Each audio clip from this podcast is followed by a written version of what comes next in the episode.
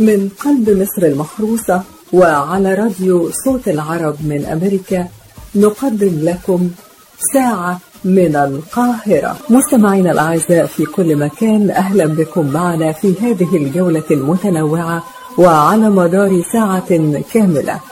من مصر المحروسة نبعث إليكم بأرق وأجمل الأمنيات ونتمنى أن تسعدوا معنا خلال هذه الساعة مع كل ما نقدمه لكم من فقرات ولقاءات وأغنيات. أهلا بكم أصدقائنا المستمعين في كل أنحاء العالم خلال هذه الساعة التي نقدمها من مصر المحروسة. نتمنى فقرتنا النهاردة تنال إعجابكم. ونحب ننوه في البداية إن إحنا هنكون معاكم كل يوم اثنين وخميس من الساعة الخامسة للساعة السادسة مساء بتوقيت الساحل الشرقي للولايات المتحدة. يعني من الساعة 12 مساء للساعة واحدة بعد منتصف الليل بتوقيت القاهرة. ولمستمعينا في كل أنحاء العالم تابعونا كل اثنين وخميس من الساعة 10 مساء إلى الساعة 11 مساء بتوقيت جرينتش. سيداتي وسادتي أهلا بكم معنا في هذه الفقرة الإخبارية التي نقدمها لكم من القاهرة. يقرأها عليكم محمد عمر وفرح الأعصر. ونخصص الفقرة الإخبارية اليوم للتعرف على آخر أخبار فيروس كورونا حول العالم.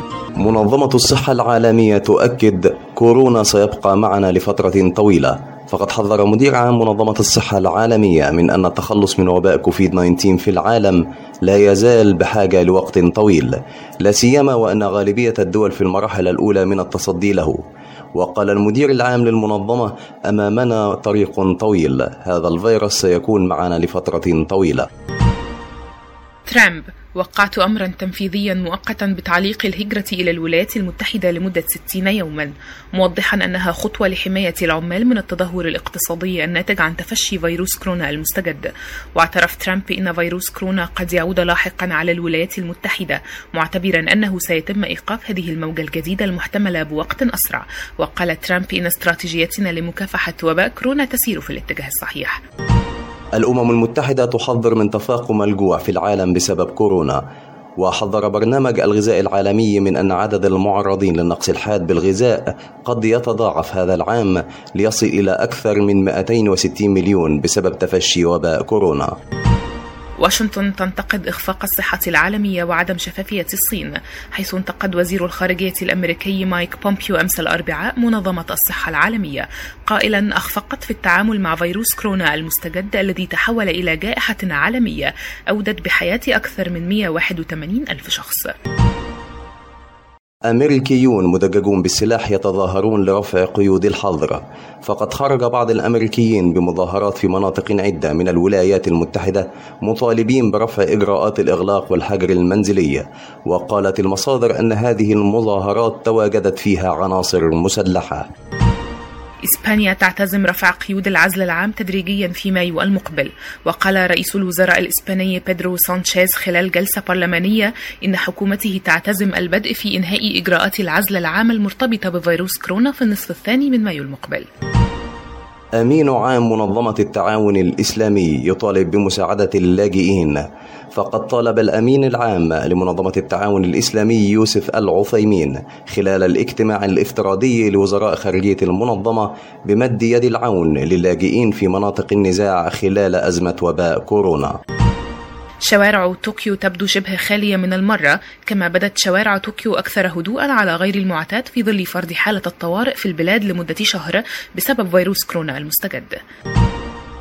المكسيك تستخدم طائرات الدرون المسيرة لفرض التباعد الاجتماعي لمواجهة فيروس كورونا مع استمرار الناس بممارسة أعمالهم والنزول إلى الأسواق التي تعمل بشكل غير رسمي.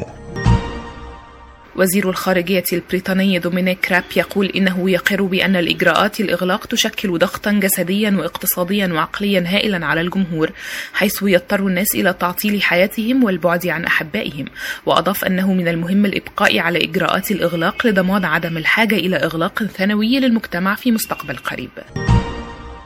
وزارة الصحة المصرية تسجيل 169 إصابة جديدة بفيروس كورونا ليرتفع إجمالي المصابين إلى 3659 حالة وتسجيل 12 حالة وفاة ليصبح إجمالي عدد الوفيات 276 حالة وفاة بينما بلغ عدد حالات الشفاء من الفيروس 935 حالة وبلغ عدد الحالات التي تحولت من إيجابية إلى سلبية 1270 حالة.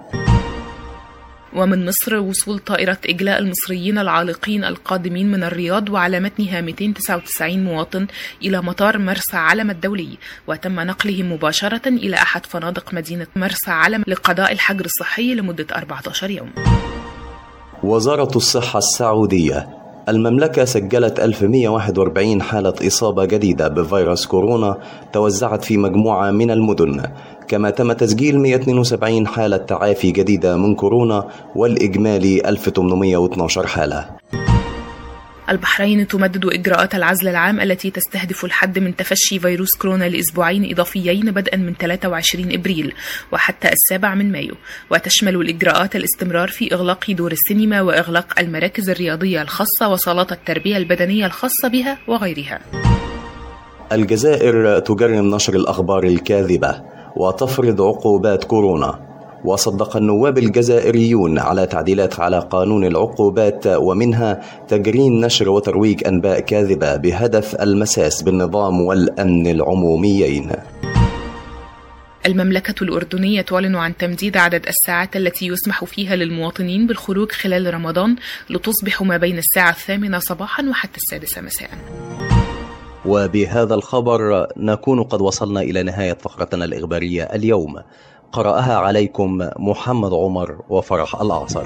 هل هلالك شهر مبارك؟ رمضان السنة دي بطعم وريحة زمان. كل سنة وانتوا دايما طيبين وإلى الله أقرب.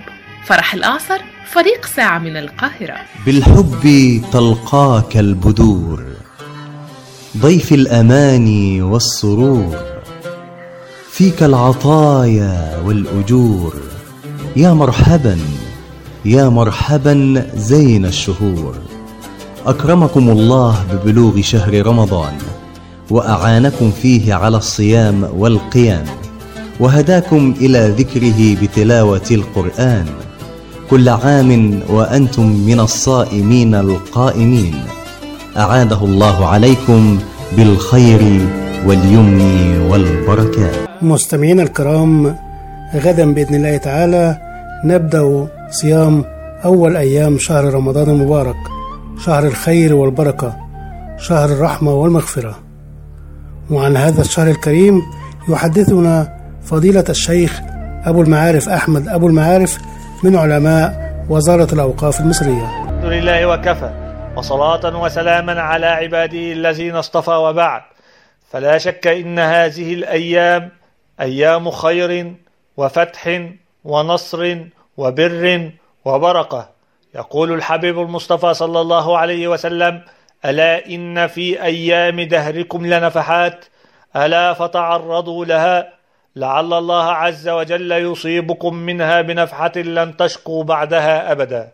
فما أحوجنا في تلك الأيام التي انتشر فيها البلاء والوباء أن نتضرع إلى الله عز وجل ونعود إليه سبحانه وتعالى ونستغفره وليس هناك أيام أفضل من أيام هذا الشهر المبارك الذي كان الحبيب المصطفى صلى الله عليه وسلم يدعو الله عز وجل أن يبلغه إياه ويقول اللهم بارك لنا في رجب وشعبان وبلغنا رمضان وكان يقول لصحابته الكرام أتاكم شهر رمضان شهر بركة يغشاكم الله عز وجل فيه فينزل السكينه ويحط الخطايا ويستجيب فيه الدعاء. فأروا الله من أنفسكم خيرا فإن الشقي من حرم فيه من رحمة الله عز وجل. نعم هذا هو الشقي الذي ينسلخ منه هذا الشهر المبارك ولم يغفر الله عز وجل له الذنوب والآثام. وكل ابن آدم خطاء وخير الخطائين التوابون. أي الذين يرجعون إلى الله عز وجل ويستغفرونه فيجدون الله عز وجل قريبا منهم وهو القائل في كتابه قل يا عبادي الذين أسرفوا على أنفسهم لا تقنطوا من رحمة الله إن الله يغفر الذنوب جميعا إنه هو الغفور الرحيم. فلا بد أن نجدد النية مع الله عز وجل فالأعمال بالنيات ولكل امرئ ما نوى كما أخبر الحبيب المصطفى صلى الله عليه وسلم. نجدد نية أن نصطلح مع الله عز وجل ونتوب إليه ونستغفره قبل ذهاب الدنيا وانقضاء الأعمار. وتوبوا إلى الله جميعا أيها المؤمنون لعلكم تفلحون. وليس هناك أعظم من أيام هذا الشهر المبارك شهر رمضان شهر القرآن شهر الذكر شهر الدعاء شهر القيام شهر الصيام الذي قال فيه الحبيب المصطفى من صام رمضان إيمانا واحتسابا غفر له ما تقدم من ذنبه وما تأخر. وقال أيضا من قام رمضان إيمانا واحتسابا غفر له ما تقدم من ذنبه وما تقدم. لذلك كان هذا الشهر هو شهر الإخلاص فقد أضاف الله عز وجل فريضة الصيام إليه سبحانه وتعالى وقال كل عمل ابن آدم له الحسنة بعشرة أمثالها إلا الصوم فإنه لي وأنا أجزي به.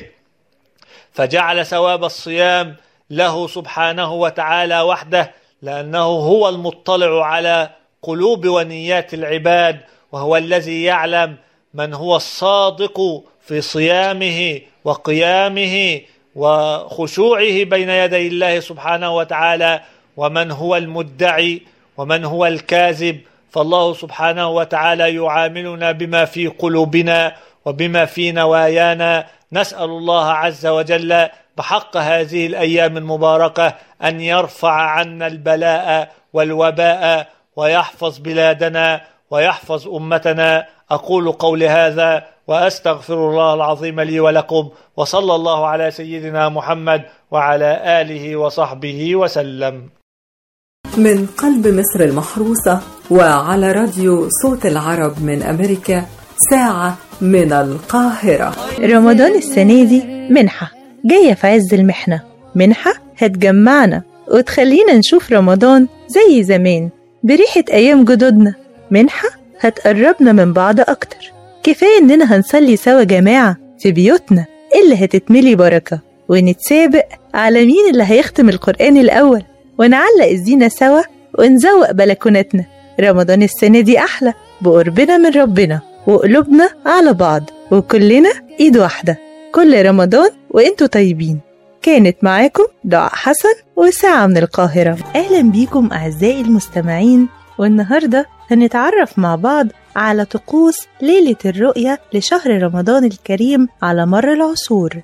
شهر رمضان الكريم ليه مكانة فريدة في ذاكرة وجدان المصريين على مر العصور وكان ليه مظاهر وممارسات خلته مختلف عن باقي البلدان وعشانه أقاموا الليالي الاحتفالية.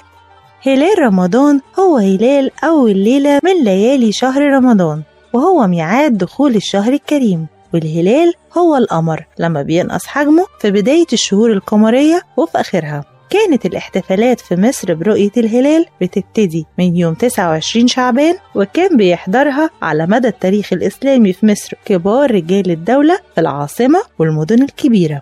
وفي عام 155 هجرية خرج أول قاضي لرؤية الهلال أبو عبد الرحمن عبد الله بن لهيعة.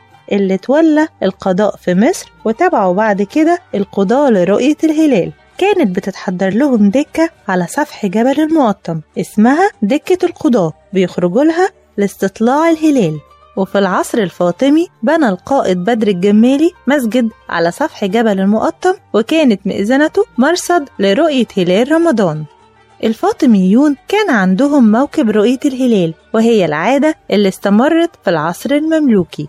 كان قاضي القضاة بيخرج لرؤية الهلال ومعاه القضاة الأربعة كشهود ومعاهم المشاعل والشموع والفوانيس وبيشترك معاهم المحتسب وكبار التجار في القاهرة ورؤساء الطوائف والصناعات والحرف.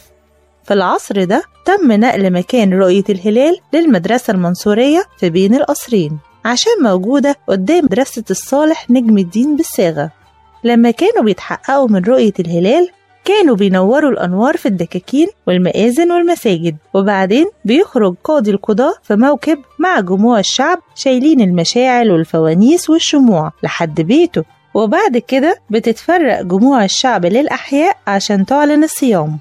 في العصر العثماني رجع مكان استطلاع الهلال من تاني عند سفح جبل المقطم. كان القضاة الأربعة بيجتمعوا مع الفقهاء والمحتسب بالمدرسة المنصورية في بين القصرين وبعد كده بيركبوا كلهم ومعاهم أرباب الحرف وبعض رجال الصوفية لمكان مرتفع في جبل المقطم عشان يستطلعوا الهلال. لو ثبتت رؤيته بيرجعوا في إيديهم المشاعل والأناديل للمدرسة المنصورية. وبيعلن المحتسب ثبوت رؤية الهلال. وبيرجع لبيته في موكب كبير بيتجمع فيه أرباب الطرق الصوفية والحرف بالأنوار والفوانيس في ليلة مشهودة. وبتطوف الفرق في الأحياء المختلفة بتهتف بتقول يا أتباع أفضل خلق الله صوموا صوموا. أما لو ما شافوش الهلال فبينادي المنادي وبيقول بكرة شعبان مفيش صيام.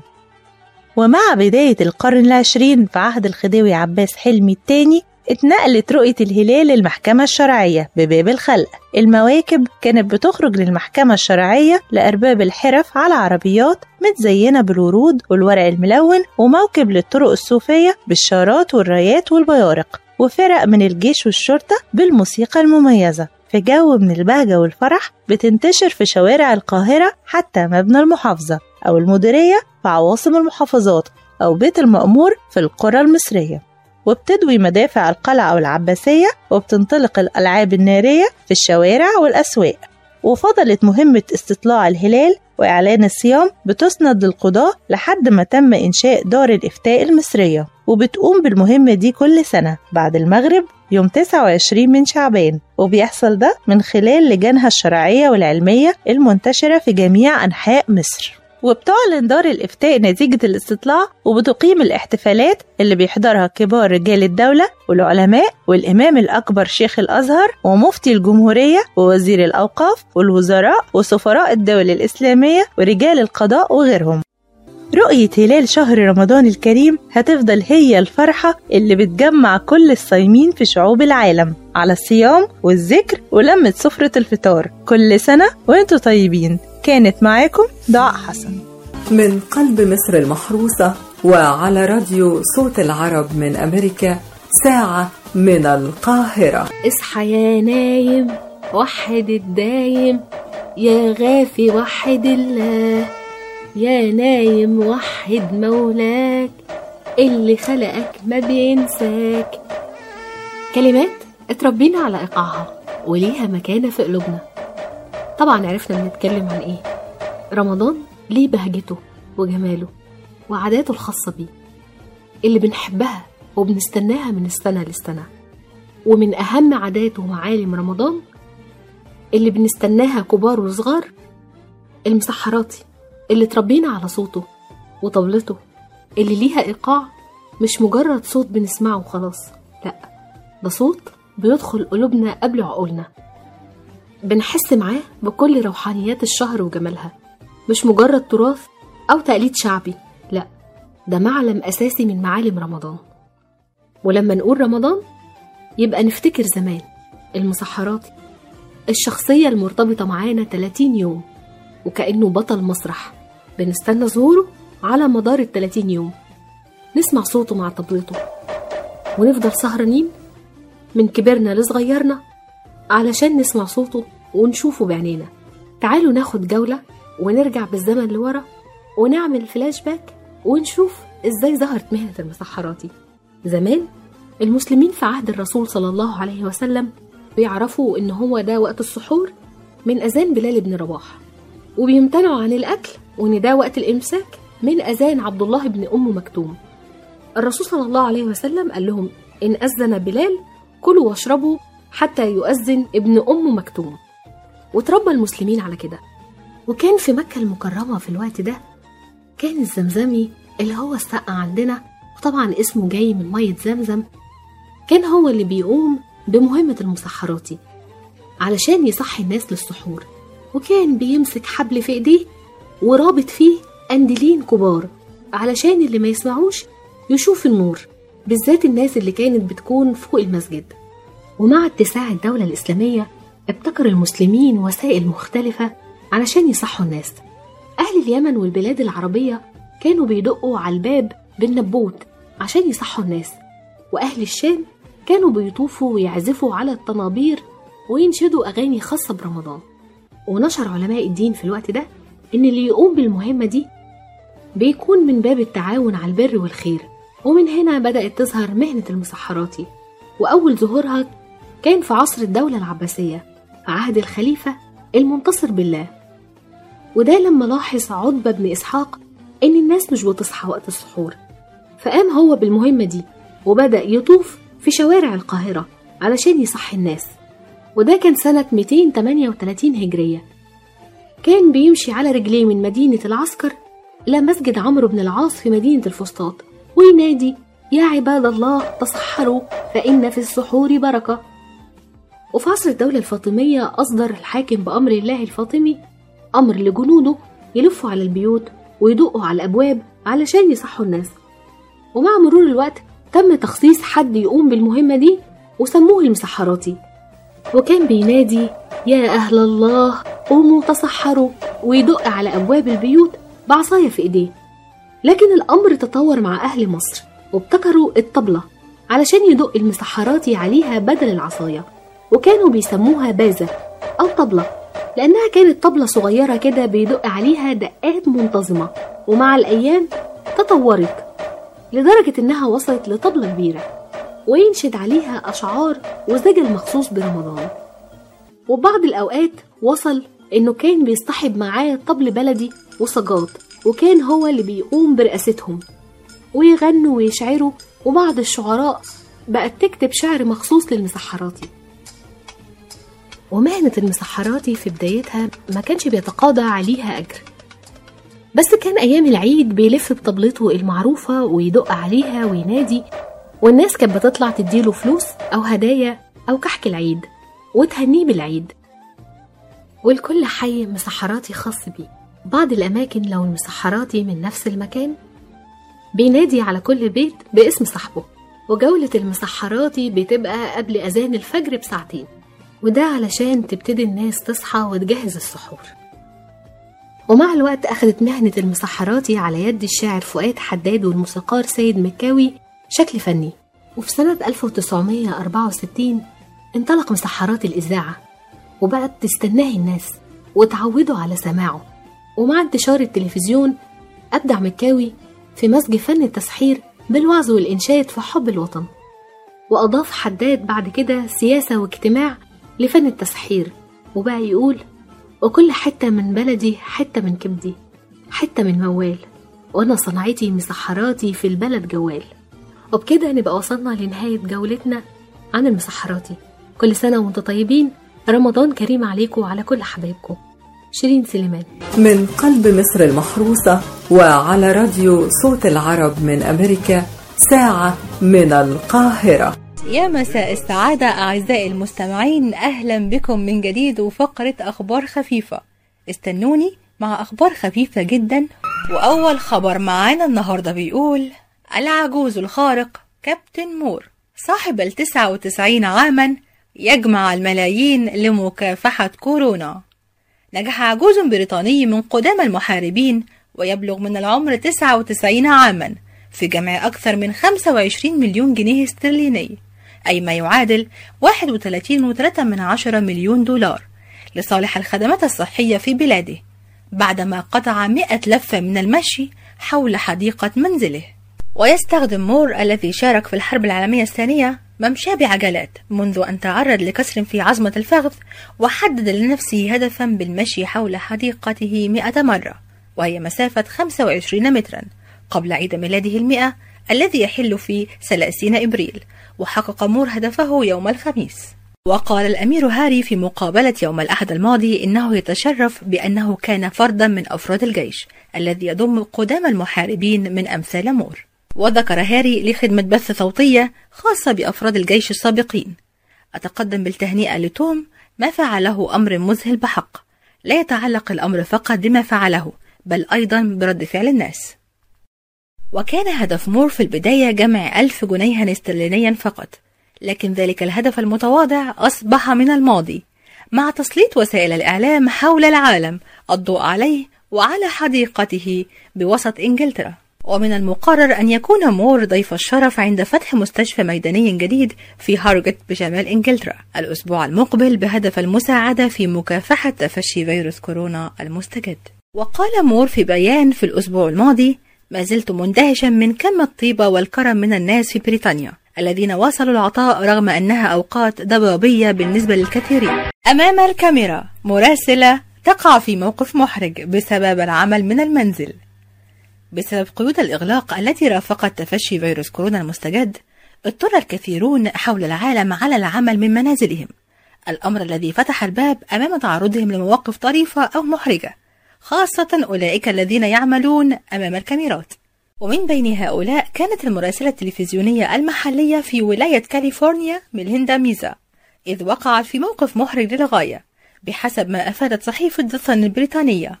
وكانت ميليندا تتحدث على الشاشة فيما تعكس المرآة التي بجانبها زوجها وهو يقف بدون ملابس تماما في الحمام المجاور.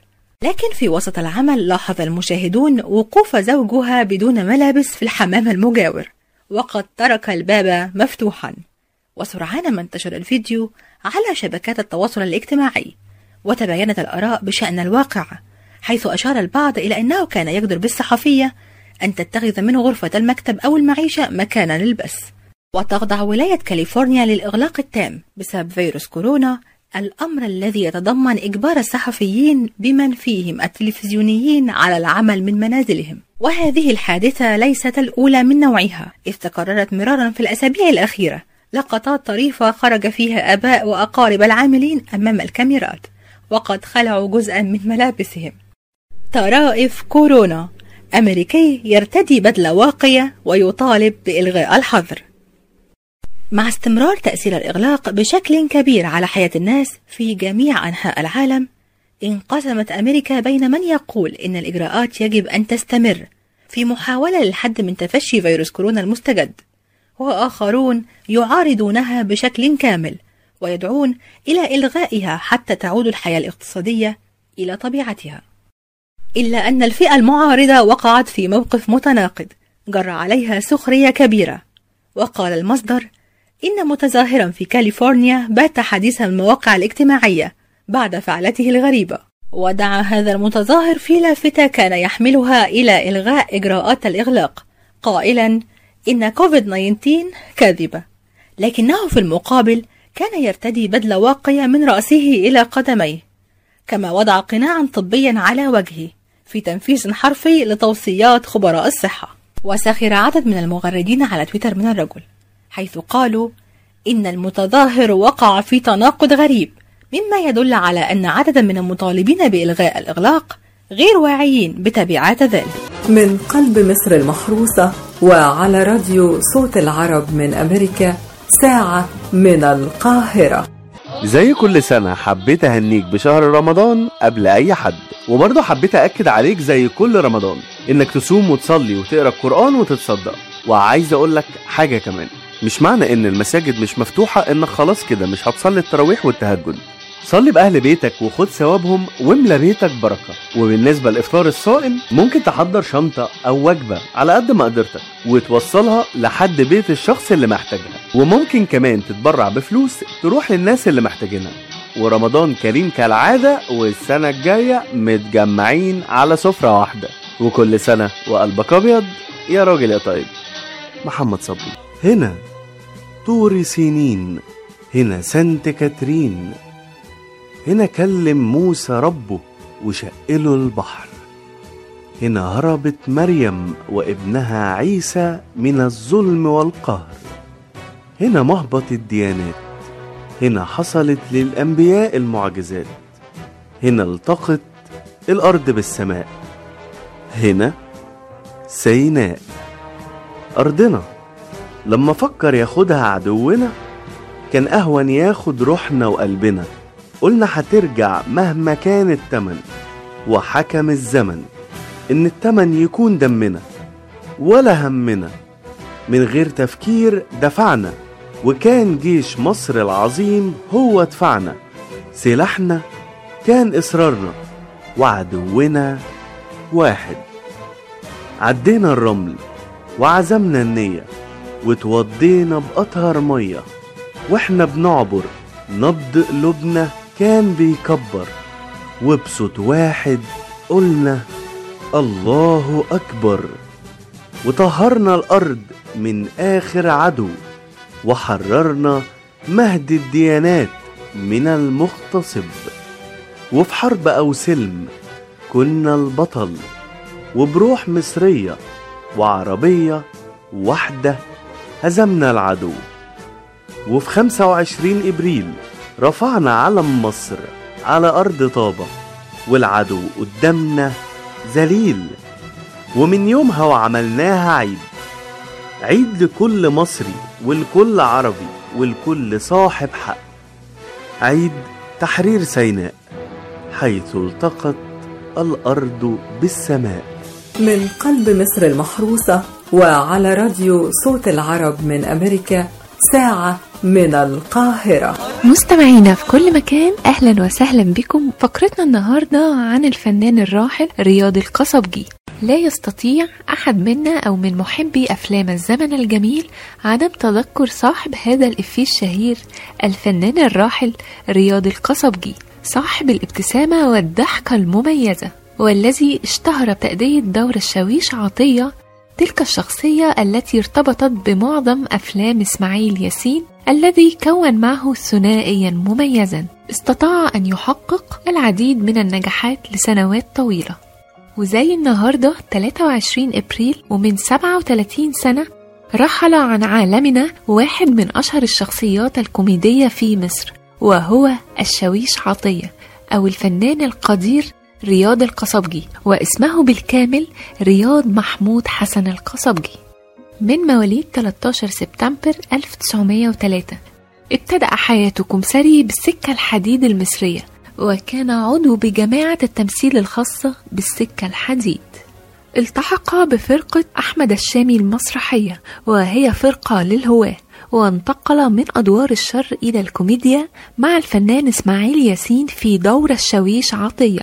ومن الرياضيات المفضلة له رفع الأثقال والملاكمة. شارك القصبجي في 179 فيلما وكان أول أعماله فيلم اليد السوداء عام 1936 ثم جاء العمل الثاني والثالث في العام التالي بعد أول بدايته الفنية بفيلمي سر الدكتور إبراهيم وسلامة في خير عام 1937 ثم فيلم التلغراف وبحبح باشا عام 1938 وأيضا الشاويش عطية.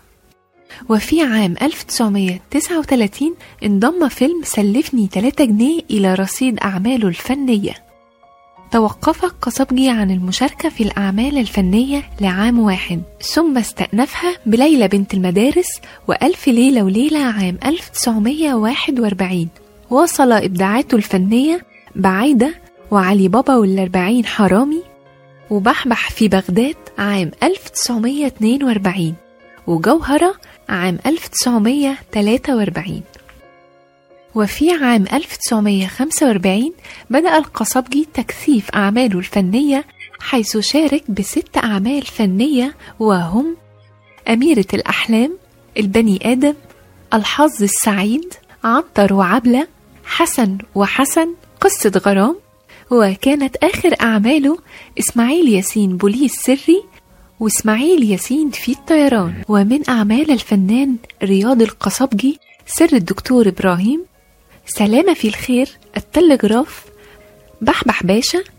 سلفني تلاتة جنيه ليلى بنت المدارس ألف ليلة وليلة علي بابا والأربعين حرامي عنتر وعبلة قصة غرام شهرزاد ليلى بنت الأغنياء إسماعيل ياسين في الجيش صراع في المينا إسماعيل ياسين في الأسطول ابن حميدو إسماعيل ياسين بوليس حربي إسماعيل ياسين في الطيران وغيرهما الكثير. لم يتخيل أحد أن صاحب الموهبة المتميزة الذي يرسم البسمة على وجوه الجماهير في الوطن العربي كانت نهاية حياته مأساة كبيرة. حيث أصيب في نهاية حياته بشلل نصفي وجاء ذلك نتيجة ارتفاع ضغط الدم. ورحل عنا الشاويش عطية في 23 أبريل 1963 بشكركم جدا والحلقة الجاية أكون معاكم إن شاء الله في فقرة جديدة من فقرات ساعة من القاهرة. أرق تحياتي أرسلها لكم من القاهرة رنا عصام. أكيد رمضان شهر بنستناه من السنة للسنة وأكيد كمان السنة دي هيبقى ليه طابع خاص. بس مهما كانت الظروف حوالينا ما تخليهاش تأثر على عباداتنا ولا فرحتنا بالشهر الكريم. رمضان كريم عليكم وعلينا. وحبيت أكون ضمن المهنيين وأقول لكم كل سنة وأنتم طيبين ورمضان كريم. أميرة مدحت فريق ساعة من القاهرة. مستمعينا الأعزاء وبكده نكون وصلنا بيكم إلى نهاية فقرتنا ورحلتنا النهاردة. وعلى أمل أن يتجدد اللقاء معكم في حلقة قادمة ورحلة جديدة بإذن الله. ومن هنا من قلب القاهرة نرسل لكم بأرق أمنياتنا الطيبة بقضاء أجمل الأوقات. مستمعينا الكرام كل عام وأنتم بخير بمناسبة شهر رمضان المبارك. تقبل الله منا ومنكم الصيام والقيام وصالح الأعمال ورفع عن أمتنا الوباء والبلاء. لكم تحيات أعضاء فريق ساعة من القاهرة الذين شاركوا في هذه الحلقة. محمد عمر محمد صبري فرح الأعصر دعاء حسن شيرين سليمان بسمة محمد رنا عصام وأميرة مدحت ديويدار وهذه أرق تحياتي كان معكم من القاهرة مجدي فكري. من قلب مصر المحروسة وعلى راديو صوت العرب من أمريكا ساعة من القاهرة.